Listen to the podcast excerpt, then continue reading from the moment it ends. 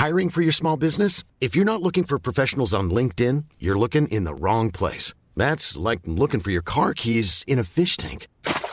LinkedIn helps you hire professionals you can't find anywhere else, even those who aren't actively searching for a new job but might be open to the perfect role. In a given month, over 70% of LinkedIn users don't even visit other leading job sites. So start looking in the right place. With LinkedIn, you can hire professionals like a professional. Post your free job on linkedin.com slash people today.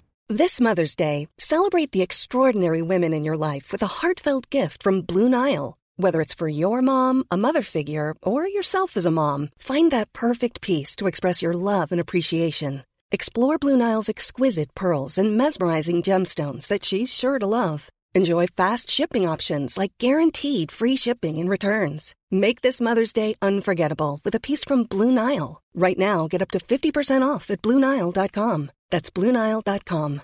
Hey, I'm Ryan Reynolds. At Mint Mobile, we like to do the opposite of what Big Wireless does. They charge you a lot, we charge you a little. So naturally, when they announced they'd be raising their prices due to inflation, we decided to deflate our prices due to not hating you.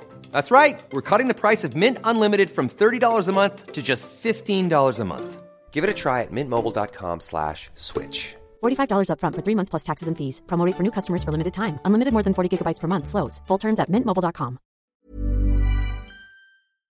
Kristen massemønstring, maktmisbruk i NLM og stille påske. Velkommen til Tore og Tarjei, en podkast fra dagen.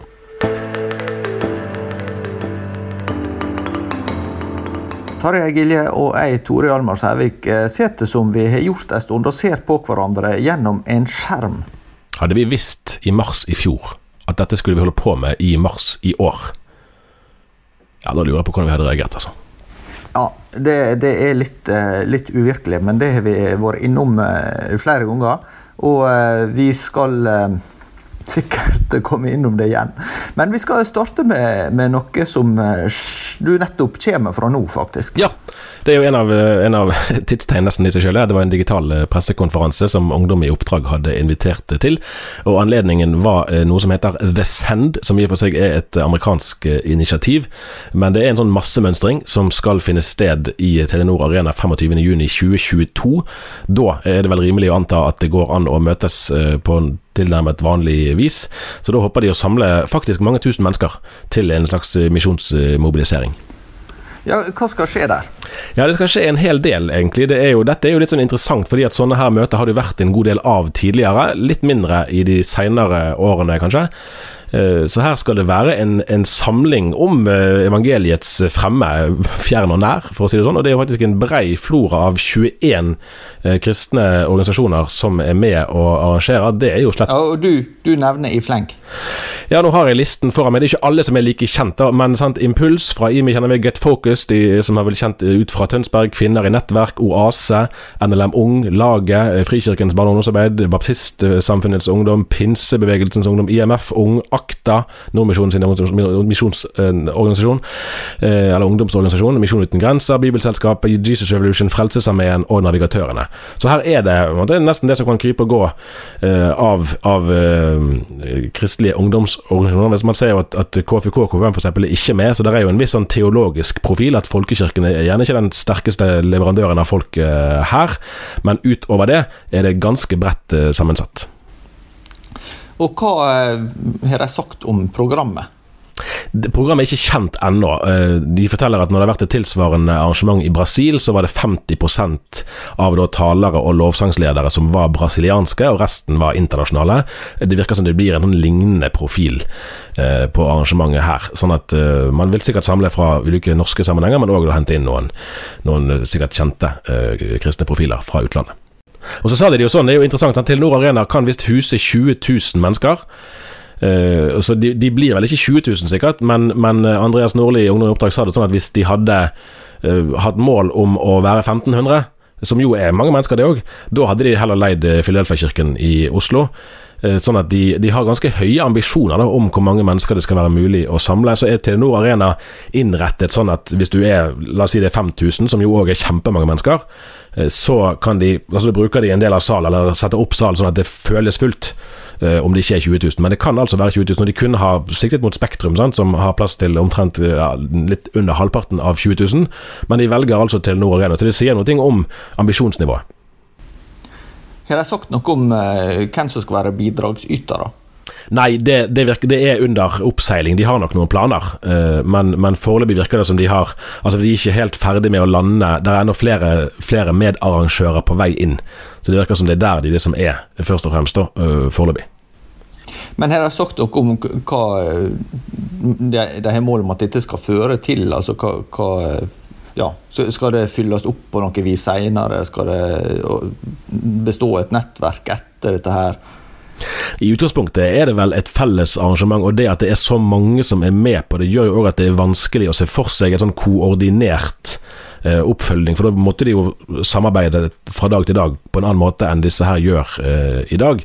Så det blir vel mer en sånn felles vitamininnsprøytning og inspirasjon. Det var for så vidt interessant. Hans Christian Skaar, som leder NLM Ung, eh, sa litt om at det hadde vært noe litt sånn bare, det var ikke pga. korona, det var før det òg at det hadde vært eh, kanskje en periode der disse ikke hadde vært like ja, like offensive, kan man kanskje si, eller utadrettet. At man har drevet på litt mer eh, hver for seg, og ikke hatt den samme nærheten til hverandre som man hadde eh, i årene før det. Og at, eh, at, man egentlig hadde snakket sammen en stund, litt på tvers da, av ulike sammenhenger, om at man kunne ha noen sånne her massemønstringer, og at dette initiativet da kom sånn sett beleilig eh, med den bakgrunnen.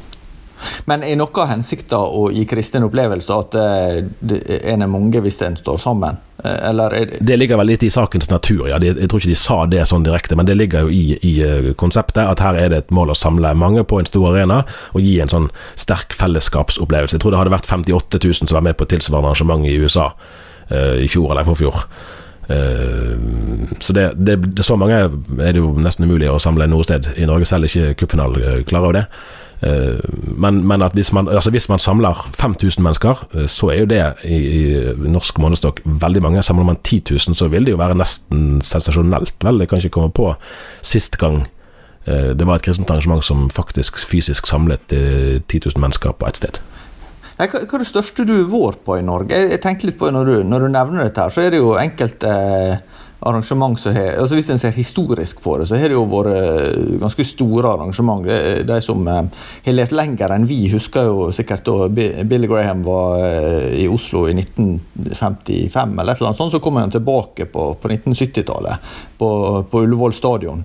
Eh, og, og samla ganske mange tusen. Og en hadde også sånne her eh, TV-sendte møter med, med, Graham tror jeg, tidlig på 70-tallet fra, nede Tyskland eller noe. Så, så, det har jo vært gjort en del sånne her eh, For, Altså hvis du går lenger tilbake, så, så, var det jo mulig å samle mange tusen til, til kretsårsmøte og sånne enkelte Eh, indremisjonskretser. Eh, men, men, nå er det sånn ja, F.eks.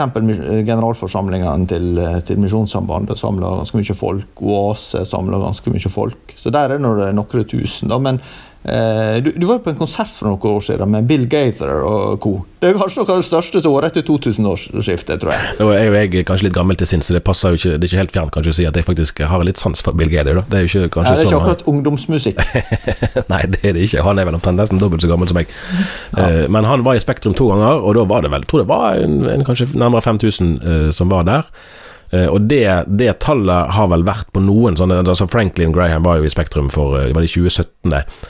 Uh, da var det vel ikke fullt så mange som 5000. Uh, eh, men det har vært noen sånne enkeltmøter òg på Oase, sant? på Skjærgårds, og for så vidt òg på de best besøkte møtene på NLM sin generalforsamling. Kan det være kanskje 2000-4000 noe sånt på ett møte.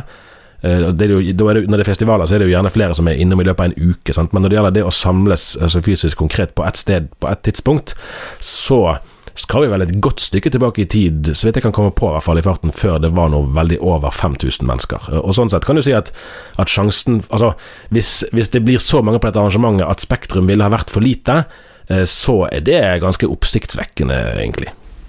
Ja, 5000 er jo et interessant tall sånn i bibelsk sammenheng. Vi er jo de 5000 eh, som ble metta, foruten kvinner og barn. Fra, som vi kjenner fra evangelia. Så hvis de sier at det er 15 000 kanskje til sammen, så da trenger de til Nord Arena? For å si det sånn. Nei, det skal bli spennende å se det der. Og det er jo Altså, for her, her eh, Altså Vår kollega eh, Bjarte Ystebø i Norge i dag, som har skrevet om dette her noen dager allerede, påpekte jo Eller han sa det sånn at, at tiden for vekkelsesmøtene har vært litt sånn I hvert fall ikke Ja, det har ikke vært så mye vekt på det.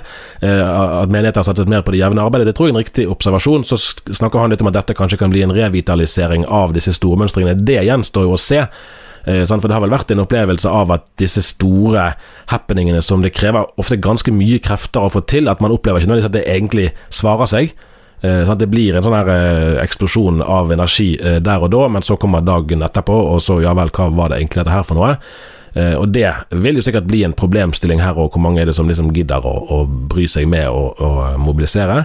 Men vi skal huske på at det var sist gang en Det som jeg kan komme på, i hvert fall, som, som ligner eh, på dette her, da, var det som het eh, En dag som fant sted på, eller foran Stortinget i 2015, tror jeg det var. Og da var det vel 2800, så vidt jeg kunne se, som, som var til stede der. Det var jo mer sånn spisset inn mot menneskehandel. Eh, Men det var med et tydelig kristent eh, utgangspunkt. Eh, her er det jo, altså, For det var òg rettet i stor grad mot, mot ungdommer, eller unge voksne. da Som dette arrangementet vel må sies å være, når vi ser på hvem det er som er med og, og arrangerer. Men, men potensialet er jo kanskje større enn vi, enn vi ser. og Det er jo noe av det som er interessant med sånne arrangementer, at det er en, en del en del ressurser på forskjellige plan som du ikke ser til vanlig, men som blir tilgjengelige i det der er et sånt konsept de kan komme inn i. da At du får ikke alle disse her til å stille på vanlige ungdomsmøter eller på vanlige gudstjenester, men når det er en sånn her spesiell ting, så er det kanskje en del flere som, som kan komme. Og vi skal jo ikke undervurdere for en som er 17 eller 20, eller kanskje flere og 20 år, altså den, den verdien i selve det å se rundt seg Wow, vi er faktisk kanskje 10 000 kristne mennesker her som er samlet på et sted. At det, Den opplevelsen kan jo være skjellsettende og kan være noe man husker i mange år fremover. Eh, Sånn at eh, vi skal heller ikke tenke for smått om verdien i sånne stormønstringer.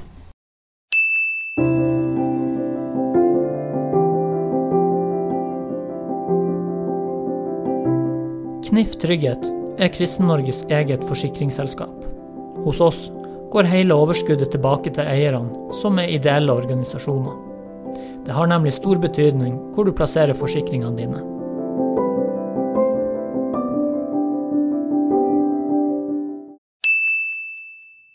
Vi går videre til neste post på programmet, og det gjelder en eh, rapport som Norsk Luthersk Misjonssamband har lagt fram denne veka. Det har vært en del debatt i våre spalter og i andre publikasjoner om eh, eh, misnøye med eh, eh, ja, arbeidsmiljø og med, med Eh, kanskje ledelse, beslutninger som har vært tatt tidligere.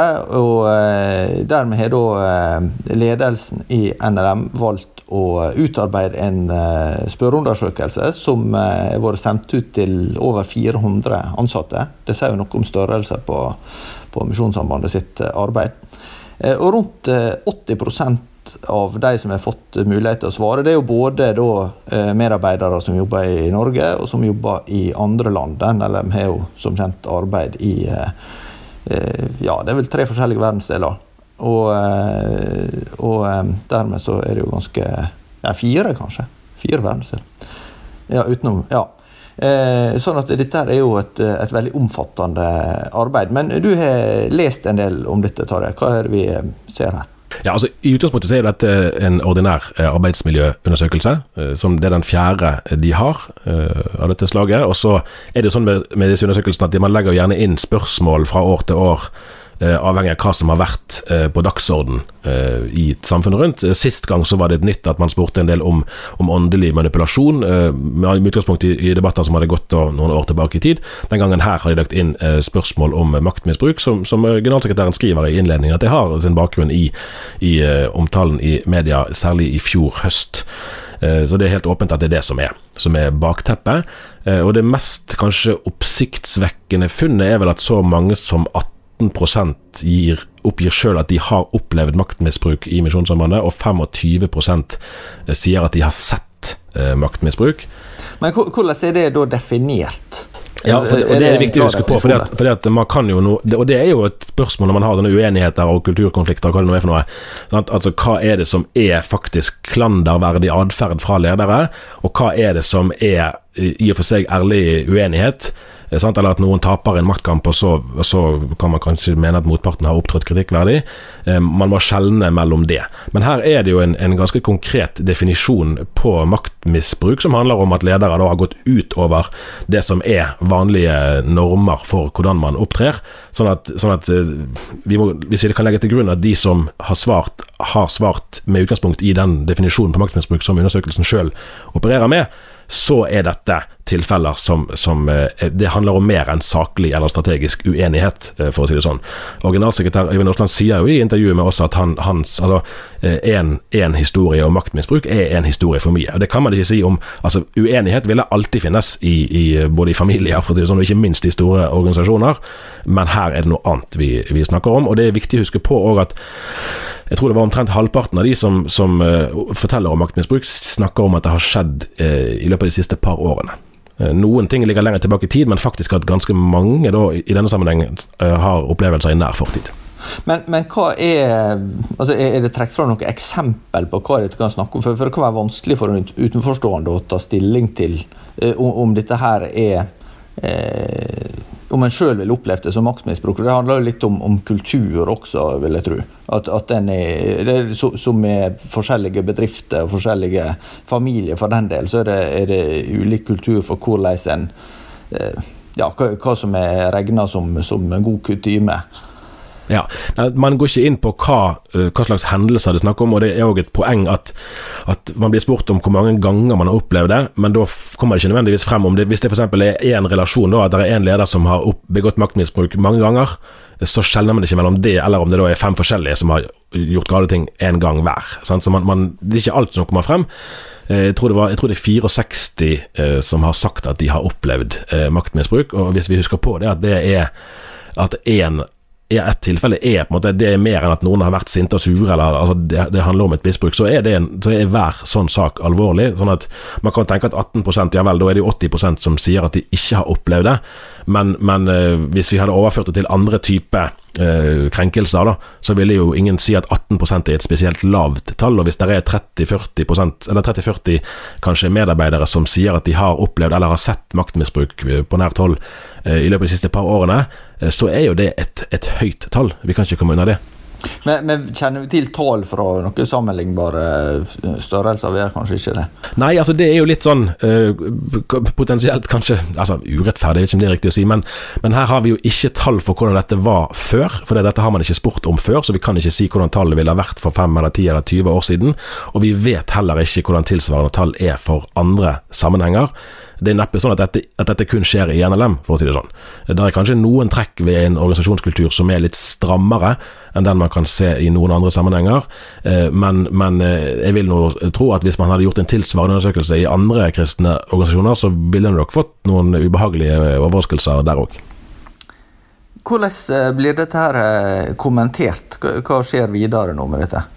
Det mest konkrete som, som, allerede er varslet i selve rapporten, er jo at de skal lage et samtaleopplegg eh, til bruk da, på personalmøter og i ulike sammenhenger, der man skal kunne snakke om ok, hva, dette og dette og dette er det vi, vi har opplevd. Det er viktig å huske på at at når man snakker om, om, kultur i en organisasjon, så er det jo lett for at man liksom eh, ser til topplederen og tenker at det er han eller hun som er liksom skurken og som får skylden for dette. Og det kan jo noen ganger være berettiget, men, men det er slett ikke sånn at altså, Det er ingen grunn til å tro at alle disse her uh, Altså all kritikken retter seg mot toppledelsen. Sånn det kan jo fint være lokale ledere òg som, som uh, der, der, medarbeidere forteller om maktmisbruk. Uh, og det er jo ofte sånn at kultur kan jo leve litt uavhengig òg av, enkelt, altså av sittende enkeltpersoner, altså de som har lederverv i dag. Det kan jo fint være en arv som lever videre fra tidligere ledere, og så ikke satt helt ord på at det og det og det ønsker vi ikke lenger at vi skal gjøre eh, hos oss. Eh, og Da er det man trenger å ha den vanskelige samtalen om ja vel, har vi noen, noen sosiale mekanismer hos oss som faktisk eh, oppleves uheldige, som kanskje det var en forståelse for at sånn måtte det være tidligere. Kanskje det var ikke lurt da heller, men det var liksom sånn spillereglene var. Mens i dag vil vi tenke at dette er ikke sånn vi skal operere. At, og der, der, kan jo et sånt samtaleopplegg være veldig nyttig, for det, kan gjøre det lettere å sette ord på ting man tidligere har bare tenkt at dette får vi vel leve med.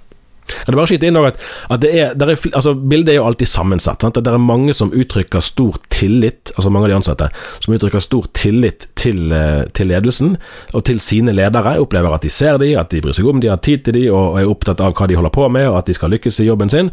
Eh, og det er en veldig høy grad av identifikasjon med NLM. Og Det er jo en, en stor fordel sant, for, for, organisasjonen at, at, de aller fleste i NLM kjenner en sterk grad av tilknytning til sin uh, arbeidsgiver.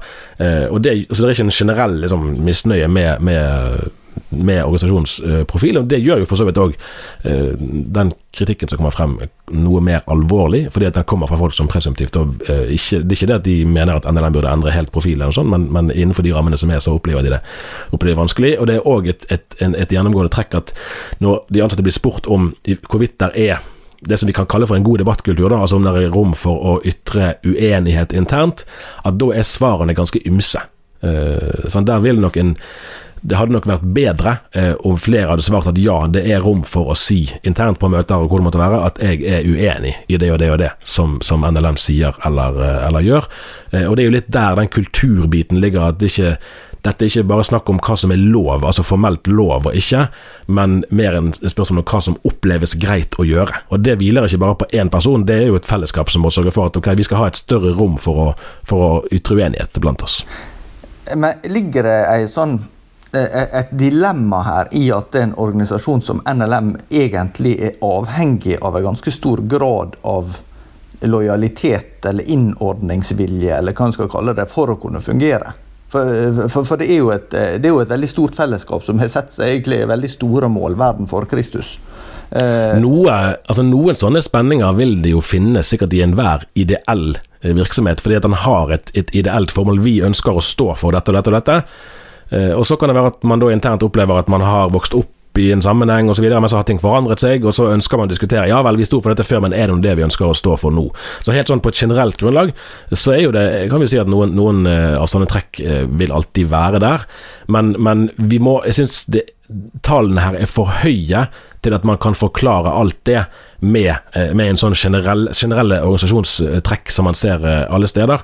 Når vi må legge til grunn at, at, de ansatte har svart på det de er blitt spurt om, eh, og da er 18 et urovekkende høyt tall. da. Det kommer vi sikkert tilbake igjen til. Det blir jo antagelig mer å lese om det også i avisa. Og de som ja, og kan jeg bare skyte inn der også, fordi at dette har jo vært Altså Vi har jo fått litt sånn løpende henvendelser til redaksjonen i løpet av den tiden som har gått siden Det var jo når Endre Stene, som har vært leder i valgkomiteen i Misjonssambandet, skrev en kronikk her i august i fjor. Det var liksom da at snøballen for alvor begynte å rulle. Da hadde den begynt å rulle formelt før det, fordi at da hadde kontrollkomiteen fått en, en henvendelse allerede i juni, var det vel. Eh, sånn at det har vært på en måte interne samtaler om dette i, i en god stund nå. Og da er det en del som har tatt kontakt med oss og sier at ja, men dette, jeg kjenner ikke igjen det bildet av NLM som blir tegnet i avisen. Uh, og Det er jo på en måte òg gjenkjennelig her, at, at, de fleste av de ansatte opplever ikke at mediebildet Eh, dekker den hverdagen de sjøl opplever i NLM. Eh, til det er det jo flere ting å si, men en av tingene som jeg sier er jo at det på en måte skulle bare mangle. Men på den annen side, det er jo veldig bra. Altså Det er jo flott det at de fleste ikke har sånne her opplevelser. Eh, men så må ikke det da stå i veien for at man håndterer de opplevelsene som folk har, på en god måte. Dette er slett ikke det eneste som skjer i NLM om dagen, eller i Misjons-Norge eller i Kristen-Norge for øvrig. Det er masse fantastisk verdifullt og nydelig arbeid som foregår, og det går jo sin gang fortsatt. Eh, og der, der, kan man ikke uten videre tenke at det som media har gitt oppmerksomhet i en gitt tidsperiode, at det er ment å skulle liksom speile hele bredden i en virksomhet. Sånn er det aldri. Eh, Men her har det vært en periode der det har vært en, en spesiell oppmerksomhet rundt, rundt, noe som det er en økende erkjennelse av. Eh, da er ikke det unaturlig at det er en ekstra oppmerksomhet rundt det, eh, og så, og så måles man på håndteringen av det. Men så er det vel også sånn at, at på et pers personlig plan så er det også eh, Eller det er, det på et organisasjonsplan som det er på et personlig plan, at, at negativ oppmerksomhet oppleves eh, altså den, den veier ofte mye tyngre enn positiv oppmerksomhet. Ja så også i denne perioden så er jo vi med våre på besøk på F.eks. Eh, NLM sitt nye misjonssenter i, i Sandnes. Vi har vært Der ble jo eh, gjenbruksbutikken åpnet noen dager. Det var lange køer, med, og køene blir jo veldig lange når man skal ha avstand mellom hver køgjenger. Ja, og vi, og vi, har vært på NLM sin, eh, sin skole på, på um, Tau eh, i, i Ryfylke. og ja, mer kommer det, da. Vi har også eh, gjort litt eh, andre ting som, som Så Det er jo en utfordring for oss i media òg, at, at, vi, journalistikken er jo ofte konfliktorientert. Det er jo litt sånn fordi vi skriver om det som er nytt, og ikke om det som allerede er kjent. Men det er jo en kunst for oss å klare å dosere og balansere det riktig, sånn at leserne kjenner igjen likevel, da, i store bokstaver i hvert fall, bildet som blir, blir tegnet. Ja. Og Apropos det, så, så, så, vil jeg bare si generelt at som journalist da, så, så, er det veldig verdifullt å få tips. Vi kan ikke alltid love at eh, vi rekker over alt vi burde ha skrevet om, men, men eh, er det noen en ønsker oppmerksomhet rundt, så er det, er det, er det godt råd å ta kontakt med et, et medium hvis en mener det er en sak. Og det gjelder også absolutt positiv. Det en opplever som positive saker. Så, så, jeg tenker at det, der, er, der, er jo kanskje også en sånn brukermedvirkning som, eh, som gjelder oss. Vi går videre til vår tredje og siste hovedbolk i denne sendinga. Det er jo høgtida som står for døra. Påska som egentlig eh, Ja, du påpeker det da vi var i Trondheim nå for eh, ja, er det to uker siden nå. Tida, eh, jeg har ikke helt oversikt på tida. Men, men, at nå skulle det ikke være ordinær påskefeiring i Nidarosdomen, og det er andre gang på to år, men det er jeg har vel egentlig ikke vært sånn siden 1100-tallet. Nei, det var litt sterkt. Biskop Herborg Finseth sa jo litt om det i, i forrige ukes episode. Sant? At hun går forbi Nidarosdomen som ligger liksom rett ved siden av kontoret hennes, og, og liksom ser opp på, på, veggen der og tenker at hjelp meg, i løpet av 900 år har denne kirken aldri vært stengt så lenge som den har vært de siste årene. 900, og det er så voldsomt lenge, det. Ja, Vi må også huske at det i løpet av den perioden er det flere episoder med pest, ikke minst ja, da, ja, da. svartedauden. Ja, det hører med i stykket. som eh, der over halvparten av Norges befolkning eh, omkom. Så det er, um, ja, det er, det er en rekkevidde over dette her som altså Nå er vi så vant med å tenke smittevern, sant? Og, og, og i øyeblikket vil jo de fleste tiltakene oppleves fornuftige og forsvarlige. Og det, det at, at, kirken er stengt, kan jo være med å bidra til at det ikke blir halvparten av befolkningen som, sant, som omkommer denne gangen. Så vi skal ikke liksom late som at, at det er liksom helt vanvittige avgjørelser som er tatt. Men det er noen tankekors eh, likevel. Vi så eh, nå et utspill fra eh, Egil Måland, eh, professor emeritus ved NLA. Ja, han var rektor da jeg var student på NLA for 15-20 år siden. ja. Ja, han, han, reagerte nokså sterkt på at Kirka sentralt er anbefalt å avlyse gudstjenester denne påska. Og det gikk vel ut fra at på en betraktning om at 20 altså Nå er det satt en maksgrense på 20 på på den typen arrangement. Og eh, mange plasser ville det være ganske bra oppslutning, mente Måland. Ja, altså, kritikken hans er jo ganske presis på den måten at den retter seg jo naturligvis mot de kirkelige sentralmyndighetene som har anbefalt eh, avlysning, selv om det jo hadde vært mulig innenfor gjeldende rammer å arrangere gudstjenester.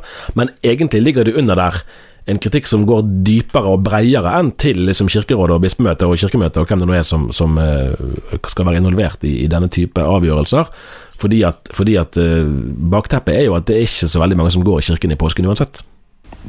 Men her er jo en sånn sak som apropos ting vi skriver om og, og skriver om igjen, så har vi flere ganger tatt opp det med, med eh, kanskje en kan kalle det sekulariseringa av høgtidene. Fra høgtid til fritid.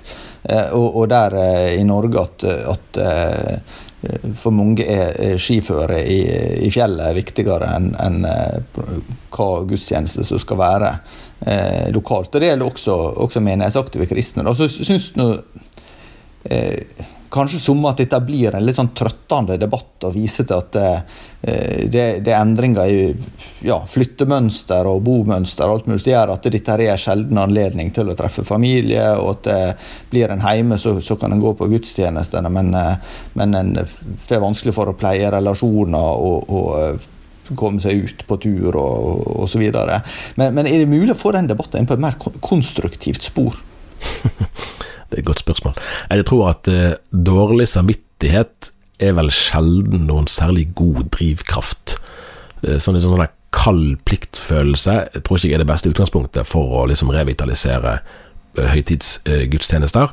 Men det er jo mer grunnleggende et spørsmål om hva er det vi hva er det vi lar bli de styrende hensyn? Og Det er jo lett å forstå ønsket om å være sammen med familien og, altså, under vanlige forhold, både besteforeldre og og tanter og onkler, hva vet jeg, som man ikke kanskje får vært like mye med til daglig. Eh, men så er det jo et spørsmål er det da mulig å rigge livet sitt på en måte sånn at man ønsker å, å, møte familien så mye som bare mulig, men kanskje ikke akkurat de dagene. Men da skal man gjøre det, så, så krever det jo at man tar noen andre tiltak. da.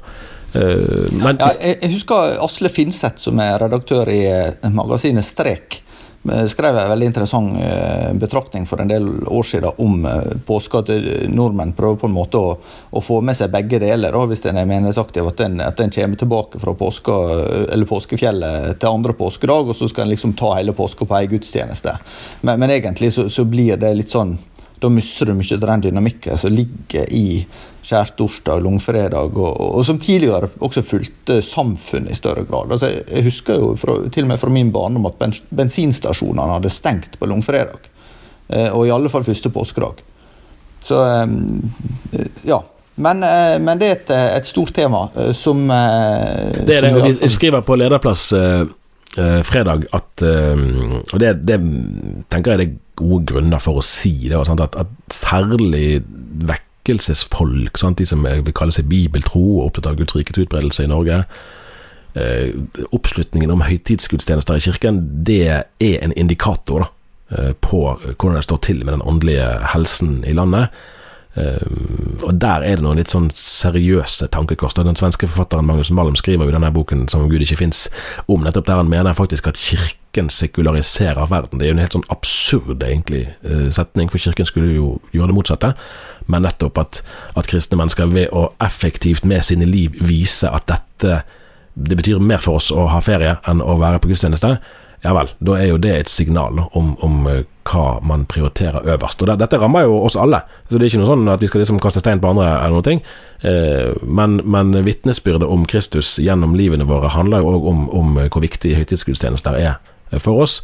Eh, og Der er det noen ganske sånn seriøse eh, tankekors. Når, når, på tirsdag nå når de la frem eh, nasjonale retningslinjer igjen, så, så, var jo ikke gudstjenester nevnt i det hele tatt. og Det tror jeg egentlig ikke så veldig mange eh, reagerte på. Det burde på en måte ha vært flere som reagerte på det, ut fra hvor viktig påsken er i kirken. At det skulle egentlig være naturlig i et land som Norge at helseministeren når han legger frem disse reglene eh, sier noe om konsekvenser for kirkegang, men det var det ikke nødvendig for han å gjøre. Og, det var kanskje ikke noe som han tenkte på heller, for det, reaksjonene ville ikke være så veldig mange, og det er jo det vi, det er det vi ser. Så det er litt ubehagelig symptomatisk, det der, syns jeg.